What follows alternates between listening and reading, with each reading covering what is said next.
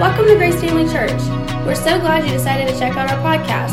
Our prayer is that this teaching from Pastor Tommy will encourage your faith and lead you towards the greatness God has planned for you. Thanks again for listening. We hope you enjoy this message. Today, I want to um, bring to a conclusion the series that I've been teaching. Had to take a break last week because of Mother's Day, but I want to bring to a conclusion a series I've been teaching uh, about uh, the gospel, and um, we've, we've titled it The Full Gospel. And today, I want to talk to you about the last aspect that I believe is uh, a part of the message that brings to, together the fullness of the gospel message. And so we're going to be talking about that. We've been looking at really these points to make sure, number one, that our message is clear that we're following the direction of Jesus and what He's told us as believers we should be declaring to everyone about what He did for us, but also to make sure that what we believe about God's purpose and plan and will for our life lines up with what He says He desires for us. You know, um, you know, you can you can be a believer and you can be going to heaven, but you can miss out on a lot of what He wants you to enjoy in this life and the next. To be honest with you, if if you don't understand um, what it is He's promised you. And so the full gospel message allows us to understand the fullness of what Jesus came to provide us. And we find that uh, laid out for us pretty clearly in Mark chapter 16, verse 15 through 20. And so we're going to read this verse as our foundational verse, then we're going to pray and trust God uh, to do what He wants to do in this, the remainder of our service. Mark chapter 16, verse 15. it says, And He said to them, Go into all the world and preach the gospel to every creature. He who believes and is baptized will be saved, but he who does not believe will be condemned. And these signs will follow those who believe. In my name they will cast out demons, they will speak with new tongues, they will take up serpents, and if they drink anything deadly, it will by no means hurt them. They will lay hands on the sick and they will recover. So then, after the Lord had spoken to them, he was received up into heaven and sat down at the right hand of God. And they went out and preached everywhere, the Lord working with them and confirming the word through the accompanying signs. Amen. Let's pray before we get started. Father, thank you so much. I'm so grateful for every person here and every person that will listen to this message. Uh, I'm grateful for them because I know you love them, and I see it as a privilege and an opportunity to stand and declare to them just how good you are. So I ask you to help me. Help me say what needs to be said this morning to inspire faith in us uh, to inspire belief in us, and to bring about your intent, your will, and your purpose in our lives so that we're more of an example of who Jesus wants us to be to the world around us. We give you thanks for that, Father, in Jesus' name. Amen. You know, as we look at these uh, verses that we just read, we see Jesus saying that we should go into all the world and preach the gospel and that when we preach the gospel, there should be certain things that follow our preaching of the gospel to others. And uh, we've discussed four of those things already, and I believe that uh, there's five that he lists for us. And uh, those five things, I believe, round out the full message of the gospel. First, uh, and so what we find, first of all, is that the gospel is a message of salvation from our sins. The Bible declares that all of us have sinner, are sinners. All of us have sinned and fallen short of the glory of God. And so all of us have been stained by sin at some point in our life. But the good news for us is, is that we can accept Jesus and be washed from our sins and step from the category of being called a sinner into the category of being called a child of God. The good news for us is that Jesus died on a cross and shed his blood so that our sins could be forgiven and we could be God's child. That's, that's, that's message number one of the gospel. The gospel also is a message of the authority of the believer. What it teaches us is that we've also been delivered from the power of darkness. Just as there is a God that is pure and light and holy and good, there is also a devil that has a kingdom that is arrayed against his. And what the Bible tells us is that when Jesus died on the cross and rose from the dead, he conquered the power of death, hell, and the grave. Aren't you glad for that? and he destroyed the power of darkness and he brought us into the kingdom of light and he set us free so much that we can live free from the authority of the enemy and when people will allow us we can use the name of Jesus to set them free from that very same power amen Amen. Message number three of the gospel is that the gospel is a message of being filled with the Holy Spirit with the evidence of speaking in other tongues. He said, Those that believe will speak in other tongues. You know, if that's the truth, and if you're a believer, we should desire that in our life. It's not just for some, it's not just for a choice few or a special group of people, it is for every single person. You know, that may seem strange to the natural mind, but there is a power, and we will, we're not going to go back and preach that message, but there is a moment in your life after you've accepted Christ where the Holy Spirit can come to not just live in you, but fill you to overflowing and give you a heavenly prayer language that is beyond your natural ability. And it enables you to express your heart to God in ways that human words can't. And it also allows you to pray for things you do not understand. And so, what we find to be true is that the gospel is a message of being filled with the Holy Spirit, with the evidence of speaking in other tongues. And then we've heard number four the gospel is a message of divine protection from harm. Divine protection from harm. That means that we can trust God to protect us and keep us safe. We don't have to live our lives in fear of things sneaking up on us and robbing us. You know, unfortunately, many people have not heard that truth or believed that truth to the extent that it works in their life. And, and unfortunately, we see, you know, many times accidents or things happen. Uh, but the truth is, is that Jesus said, and, and, and David said even in Psalm, that if we dwell in the secret place of the Most High God, we abide under the shadow of the Almighty, and no harm will come nigh us. And so we've been given the promise of divine protection. Now, today I want to talk to you about the last aspect of the gospel, and that's the good news of divine health and healing. Everybody say health, everybody say healing. We see those in Mark chapter 16, verse 15, 17 through 20. Let me read it again. It says, And Jesus said to them, Go into all the world and preach the gospel to every creature.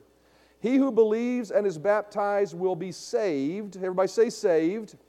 We're going to talk about that word in just a moment. And these signs will follow those that believe. In my name, they will lay hands on the sick and they will recover. That's pretty emphatic, isn't it? He didn't say they might. He said they'll lay hands on the sick in my name and they will recover. It says, And they went out and preached everywhere, the Lord working with them, confirming the word with accompanying signs. So it says they went out and preached the gospel, they laid hands on the sick, and people recovered. And the recovery took place by whom? Not by them. How many of you realize people talk about faith healers and all these different? How many of you realize the only healing that there is in the world only comes from God? Matter of fact, do you realize that even the, med- the uh, medicinal healing that comes for, to us, it, it is God that provides it? You say, well, I thought the doctor did or the medicine did. Well, who, who made the good things that make up the doctor and make up the medicine? Every form of healing, every form of recovery in our life is a product of a good God. And so, what we find out is that, that Jesus works through things to bring healing into our life. And I want you to notice verse 16 it says, He who believes and is baptized will be saved. Say that word again, say saved. That word saved is an interesting word because many times when we read that word, we see it as because we've been conditioned uh, by our, our, our church upbringing that saved means we're going to heaven, that our sins have been forgiven. And that absolutely is part of being saved. But that word saved is, a, is, a, is a, um, an, Aramaic, uh, Aramaic, an Aramaic word, Aromatic, that would mean it smelled really well. Uh, it's an Aramaic word uh, that's, a, that's a transliteration of the Greek, and what it means is this it means to save, not only save, but to heal, to preserve, or to rescue. Now, I want you to think about the fullness of that word save, heal, preserve, rescue. That sounds like all the signs that followed the believers and all the things that he said would follow him protection, right? Healing, right? Forgiveness of sins, right? And so salvation is an all inclusive word, and unfortunately, most Christians have limited that word to only mean I'm, I got my sins forgiven and I'm going to heaven, but it means so much more than that, and I want to talk about that today. See, the things that Jesus said would follow a believer are really verb, a verbatim definition of salvation. If you go through and look at that, he said they'll lay hands on the sick, they'll have the fullness of God, they'll have all these things. That is the product of being saved. And in actuality, we've been talking about those over the last several weeks. And so today we see that healing is a part of the gospel. And what I want to talk to you about today is two types of health or healing that we can walk in. I want to talk about, first of all, divine health. Because divine health is a promise for anyone who has accepted Christ divine health. That means walking free from sickness. And then there's also the promise of healing from sickness. And the promise of healing from, from sickness is a promise to anyone who is sick. And so, does everyone walk in divine health? How many of you realize healing and divine health are two different things? If you have divine health, you don't need to be healed, right? Right? And God has promised us that we can walk in that. But does everyone walk in divine health? See, a lot of people say, well, that couldn't be a possibility because I know a lot of Christians who get sick. Well, let me ask you a question Does God want us to walk in perfect love? That's not a trick question. Does God want us to walk in perfect love? If you believe that, raise your hand. God wants you to walk in perfect love, but do you do that all the time? Does that mean that perfect love is not God's best for our life? Absolutely not. See, just because somebody doesn't experience God's best doesn't mean that God's best isn't for us. And we should also always be believing for that. And so, just like we should be believing and studying and digging into love and making sure we're loving each other and forgiving each other and laying down our differences and bitterness toward each other, in the same way, we should be believing and studying and digging into the, the topic of divine health to prove that we are, ha- we, we are healed and we can live free from sickness, just like we can live free from hatred. Simply put, many Christians do not walk in divine health that God has promised because they've not applied the principles of faith to walk therein. You know, I think sometimes we get offended because we, and I, and I see this all the time. So many times in our life, when we fall short of God's best, we put the blame on God. You ever seen somebody do that? You know, well, I guess God just had a different, you know, uh, plan for me, or I get, yeah, but how many of you realize that that's not the truth? Sometimes we just fall short, and we're humans, and that's okay. There's no condemnation in that. But we need to understand that Jesus, if you watch him, he was pretty direct when he walked the planet. You go read the book of uh, uh, John, Matthew, Mark, Luke, and John, and what you'll see is, is that many times he was very direct with people about why they didn't get what they wanted. You know, there were many times he looked at them, he said, Where's your faith? He said, Oh, ye of little faith. And, he, and many times you even heard him say, Man, how long am I going to bear with you, you, you, you of little faith? Right? We have to be willing and humble enough before God to be able to recognize where we fall short if we want to rise to higher places. You realize you can never rise, I didn't plan on saying this, you realize you can never rise to a higher place in God unless you're able to see your faults? It's really important for us to remember that. Now, that doesn't mean we see our faults in a sense that we condemn ourselves and feel like we're unworthy and we're no good. Why? Because we've been made the righteousness of God in Christ Jesus in spite of our faults. But we have to be willing to hear at times when we fall short and not point the finger at God and say, Why did you? Instead of saying, What about me? Can I change? And so, the gospel that we're talking about here, this gospel of divine health and healing, it is for us today, but we have to build our faith on it. Why? Because faith is how you receive the promises of God. Every promise of God doesn't fall. You know, I remember. I remember the guy that founded my Bible, the Bible school that I graduated from. He made this statement. He said, "You know, the promises of God just don't fall off of your he- on your head like ripe cherries falling off a tree." That's not the way. You know, some people think, "Well, if it's God's will, I guess I'll just have it." No, you have to receive it. How many of you realize there's a lot of people God wants to be saved, but they've never accepted Jesus to be saved? We got to make a choice. We got to believe. We got to receive. And so when it comes to healing, we've got to receive. Well, how do you do that? The Bible says faith comes by hearing, and hearing by the Word of God. If you hear the Word of God on healing, and that's what we saw happen in, the, in, in Matthew, we, I mean, Mark, we just read. They preached the Word, people heard the Word, and then what happened? Signs followed. So, what I'm believing for today is that we're going to share the gospel of healing and divine health with you, and it's going to inspire faith in your heart. Mark chapter 16, notice verse 20. It says, And they went out and preached everywhere, the Lord working with them and confirming the word with signs following. These individuals went out and preached the word on healing, then prayed, laid hands on the sick, because that's what he said would happen, and they recovered. And I want you to notice who did the healing. Was it the disciples or was it Jesus? It was Jesus. I there's no trick question to that. They were just a vessel. And I'm believing today that if you have sickness in your body, I'm believing that as I preach these words and I share this truth with you, that as you extend your faith toward Him, Jesus Himself will confirm the word with signs following. Why? Because He promised us that's what He would do. And so I'm believing for that today. And so let's take a look at the gospel of divine health and healing. Isaiah chapter 53, verses 3 through 5. We're going to start here. We could have started in a lot of different places, but this is where I'm going to start. Speaking of Jesus, it says, He is despised and rejected by men, a man of sorrows and acquainted with grief, and we hid, as it were, our faces from him. He was despised, and we did not esteem him. Surely he hath borne our griefs and carried our sorrows, yet we esteem him, esteemed him stricken, smitten of God, and afflicted. But he was wounded for our transgressions, he was bruised for our iniquities. The chastisement of our peace was upon him. And notice this last phrase, and by his stripes we are healed. I want you to notice the fullness of what Jesus did for us. He dealt with our griefs, He dealt with our sorrows, He dealt with our transgressions, He dealt with our iniquities, He dealt with our peace. And that last statement clearly tells us that Jesus paid the price for us to be healed, just as much as He paid the price for our sins and our iniquities. See, I think sometimes people, you know, they'll look at the fact that maybe one is more important than the other. And absolutely, having your sins forgiven is the first step to have a relationship with God, accepting Jesus as your Savior. So critically important. But how many of you realize when he went and shed his blood on the cross, according to this, he also took stripes upon his back at the same time?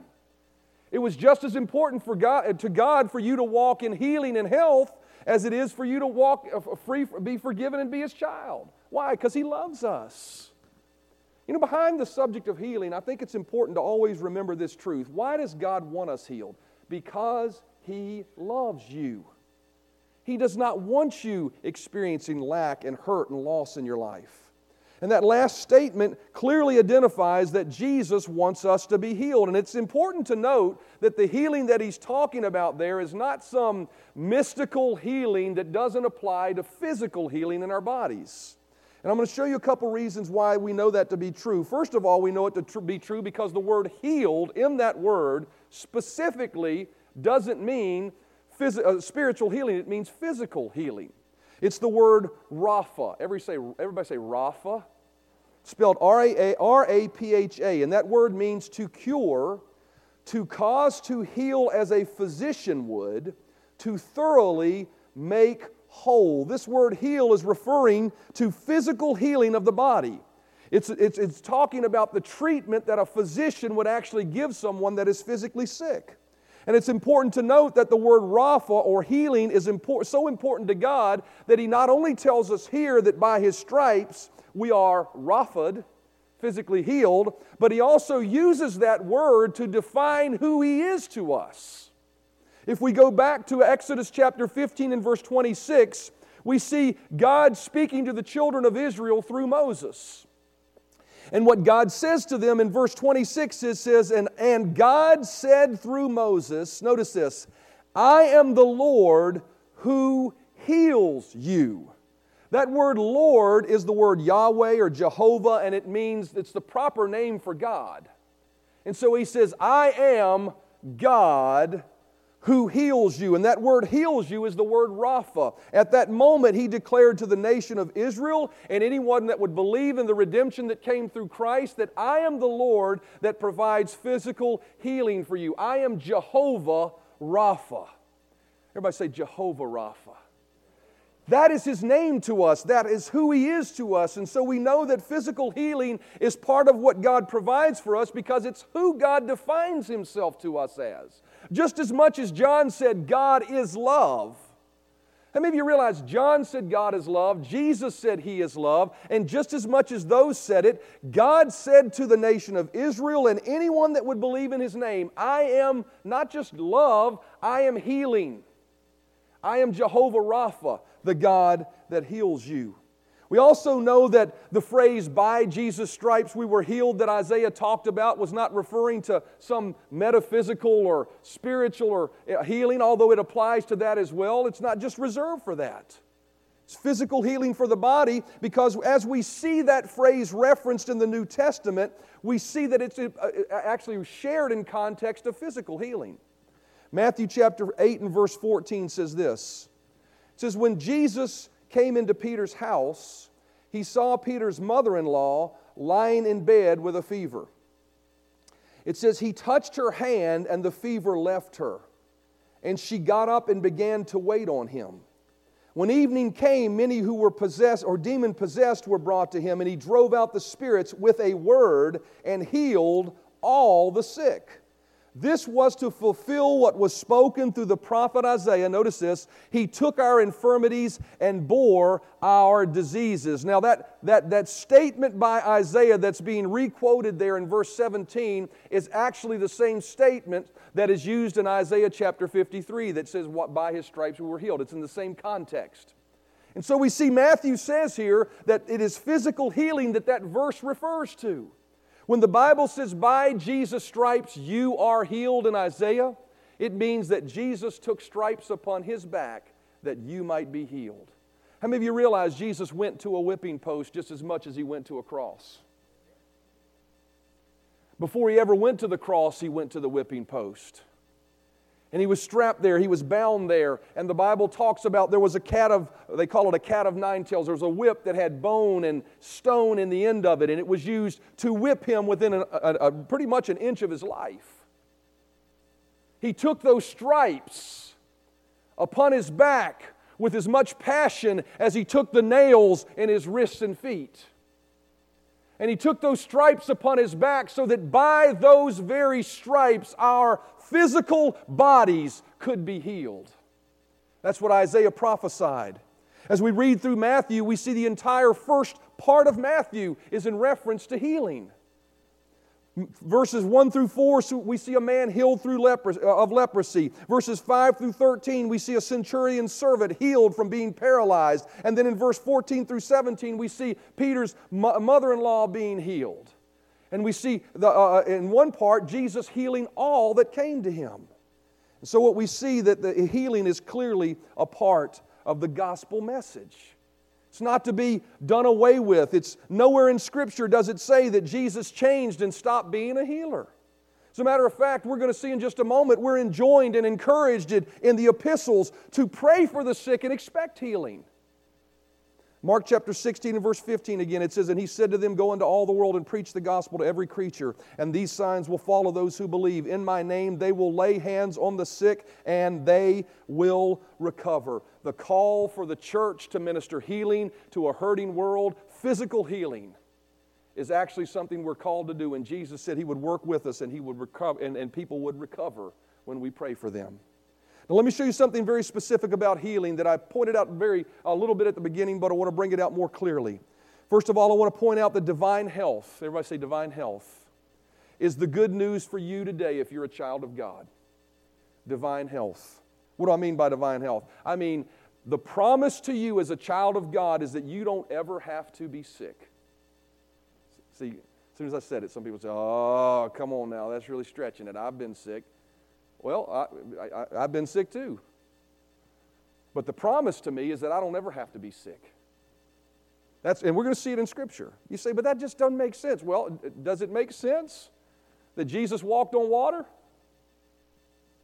Does it make sense that Jesus multiplied five small loaves of fish, uh, loaves and fishes, or whatever the number was, into to meet enough to feed thousands? How many of you believe God's a God of miracles? If we don't believe it, then well, we might as well just have a philosophy like everybody else. He is a miracle working God. He is a real Jesus. And He said that we would preach these, the, the truth of divine health and healing and people would recover. And so divine health is a gospel to the, belie- uh, to the believer. Isaiah 53, verse 5, let's see it again. It says, He was wounded. Now, this is Isaiah before Jesus ever came, speaking prophetically about Jesus coming. Jesus had not come yet. And this is what he says he would be wounded for our transgressions, he was bruised for our iniquities. The chastisement of our peace was upon him, and by his stripes we are healed. Peter said, There's coming a Messiah who will take stripes upon his back, who will pay for our healing. And then we see him doing that as he walked about in ministry here on earth. But then he, we hear him telling us, You'll do the same thing. You're going to go and do the same thing. And then in 1 Peter 2 and verse 24, we see Peter requoting this same verse. But it's very important to see the nature and how he quoted it. Peter said in 1 Peter 2 24, Who himself bore our sins in his own body on the tree, that we, having died to sins, might live for righteousness. And then, then he goes on to say, By whose stripes you were healed. Everybody say, were healed. Is that a past tense, present tense, or future tense word? Past tense, right? He said that by Jesus' stripes as a believer, you were healed. So, what that tells me is that when Jesus took the stripes on his back at the whipping post, at that moment, just like he paid for my sins, he also paid for me to be healed. I was healed at the whipping post when Jesus did that for me. See, what, what he's saying is, is you need to recognize that in this moment, as a believer, whether you have symptoms in your body or not, you need to understand that you were healed. See, if you were healed, then you are healed. See, people would say, Yeah, but I still feel bad. I still have symptoms. Well, how many of you realize we all have bodies we live in, right? How many of the Bible says that uh, you are a child of God when you accept Jesus? How many realize the Bible says that? How many of you know people that are children of God that don't act like it? Why? Because they still got flesh they got to deal with. They still act like the devil sometimes, even though they shouldn't. Amen or on me. If you're married, you know that happened. Delisa can tell you that's the truth about me. Sometimes I'm not the. She just loves me all the time. She's perfect. She's absolutely perfect. But she's got to deal with me. So, how many of you realize, though God says I'm the child of God, I'm the righteousness of God, but I don't live up to the standard that I should uh, all the time? I make mistakes just like everybody else does. But that doesn't change the fact that I'm a child of God. Just like if you're dealing with physical symptoms in your body right now, Jesus, because of what He did for you, says in His Word that you were healed back then. You're carrying in your body symptoms of something that within your heart, the Bible says you're something else. For the believer, the statement is a spiritual fact that you are healed. If you were healed, then you are healed. And the question really boils down to really whose report will you believe? Whose report will you believe about your physical symptoms right now? See, I, I, there are many times I get up in the morning. I can tell you something. I believe right now I am healed in Jesus' name. There have been many days where I've got up or I've had a headache or I've had something going on in my life, and I really do my best to not give place to that report. My body's telling me something. But I get up and I choose to say, No, bless God, even though I may have symptoms, I believe that I was healed when Jesus took stripes upon his back. And I refuse, because of what Jesus said about me, to accept this. You know how many things we accept in our life? We just accept things that Jesus paid to set us free from. But what we have to do is we have to choose to believe the report of the Lord about our healing. Romans chapter 4 and verse 19 says, and speaking of Abraham, it says, and not being weak in faith, Abraham, notice this, did, how many of you realize the Bible's truth? How many believe it gives you example of how you're to behave and live your life? Abraham, in these verses, gives us an example of how to live by the promise of God instead of the voice of your body. Romans chapter 4, verse 19 says, And not being weak in faith, Abraham did not consider his body already dead since he was about a 100 years old and the deadness of Sarah's womb. He did not waver at the promise of God through unbelief, but was strengthened in faith, giving glory to God, and being fully convinced that he, that he had promised he was also able to perform.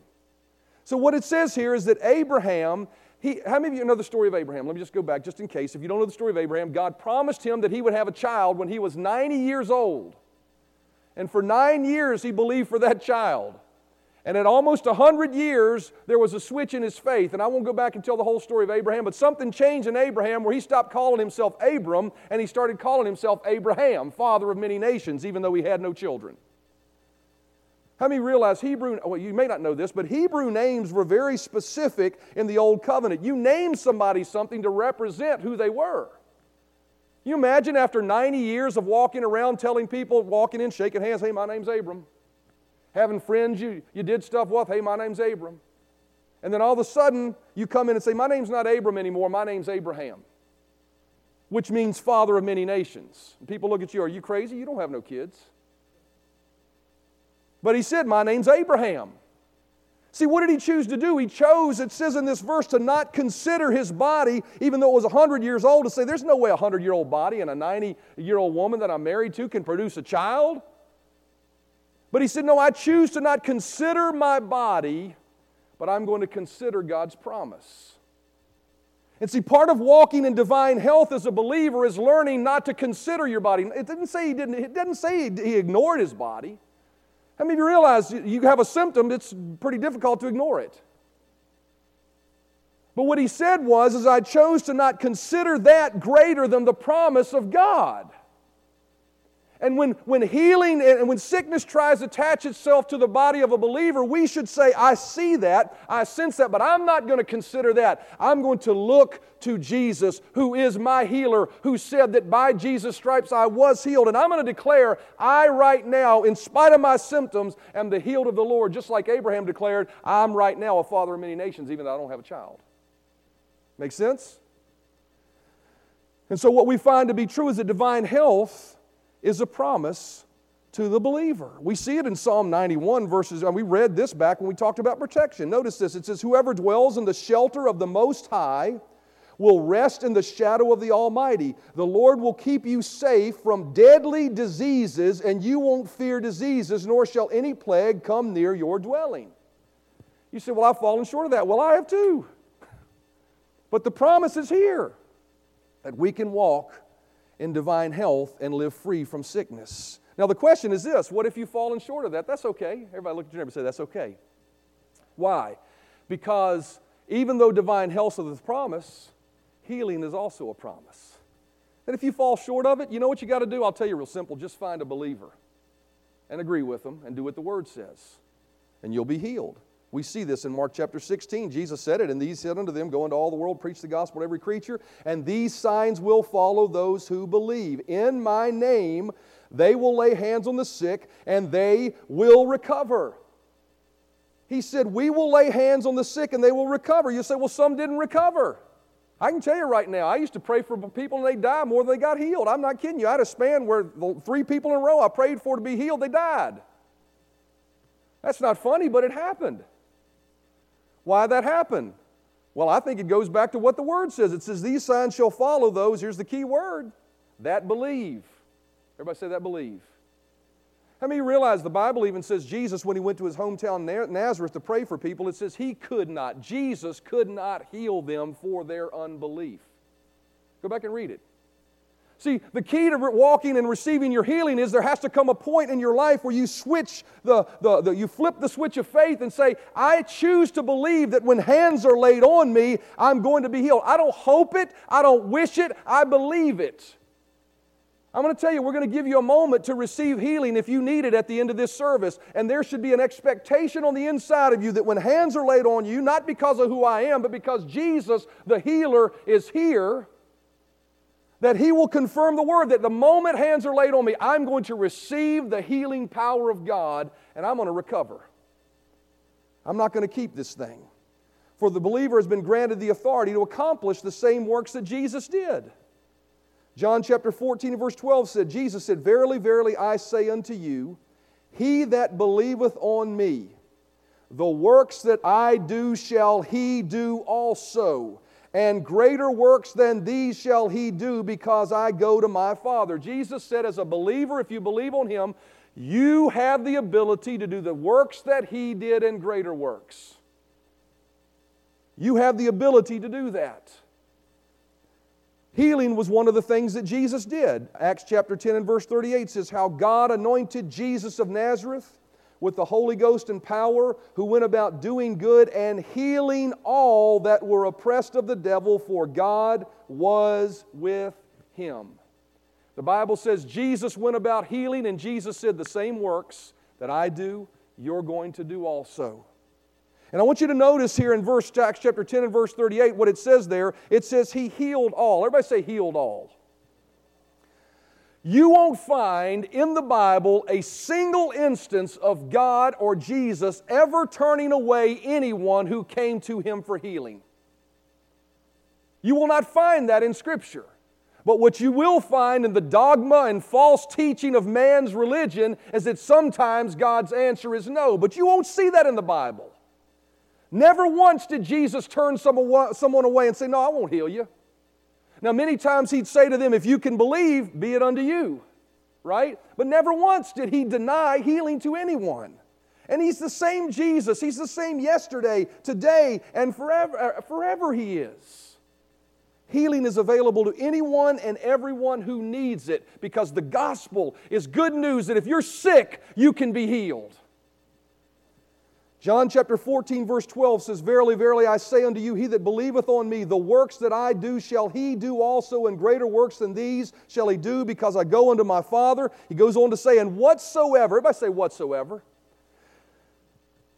a very non categorical word. He opens this up to whatever it may be. Whatsoever you shall ask in my name, that will I do, that the Father may be glorified in the Son. If you shall ask anything in my name, notice this I will do it. See, the reason the believers were able to go lay hands, and the reason believers are able to today go lay hands on the sick and expect them to recover, because it's not within their strength that the recovery takes place. He says, if you just use my name, I'll show up and do it. That's a promise. I want you to let your brain wrap around that this morning because if you have sickness, if you have an ailment, if you've had something you've carried in your body, if you have some diagnosis that the doctor says is incurable, I want to let you know today that Jesus said, if we will lay hands on you in His name, you will recover. If you can believe that, by using his name when we pray, the sick are healed. It sounds very much like what he said would happen with the believer. He said, In my name, they'll lay hands on the sick and they'll recover. And so, as the musicians come, I want you to see that healing is a part of the full gospel message. Jesus took stripes upon his back for you to be healed. And because of this, the believer can walk in divine health and the sick can receive healing when needed if they fall short. If a believer falls short, if for someone's not a believer, healing's available to them. Notice James chapter 5. This is James's encouragement to the New Testament believer. He says, Is any sick among you? This qualifies to everyone. He says, Is anyone sick among you? Let him call for the elders. That word elders means pastors of the church. Let him call for the elders of the church and let them pray over him, anointing him with oil in the name of the Lord. And the prayer of faith, everybody say the prayer of faith. See, oftentimes people get hung up on anointing with oil. You can anoint with oil or not anoint with oil, but what causes the sick to be healed? The prayer of faith shall save the sick. It's by laying hands on someone in Jesus' name, saying, In the name of Jesus be healed, and believing in faith that the power of God is being received, that it brings about a healing and a cure. And the prayer of faith shall save the sick, and the Lord shall raise him up. Thanks for listening to our Grace Family Church podcast. We hope you enjoyed this message. If this ministry has blessed you in any way, we would love for you to get connected. Just go to gfcva.info for more information about who we are, how to give to this ministry, or how you can get involved. Thanks again for listening, and we hope to see you soon.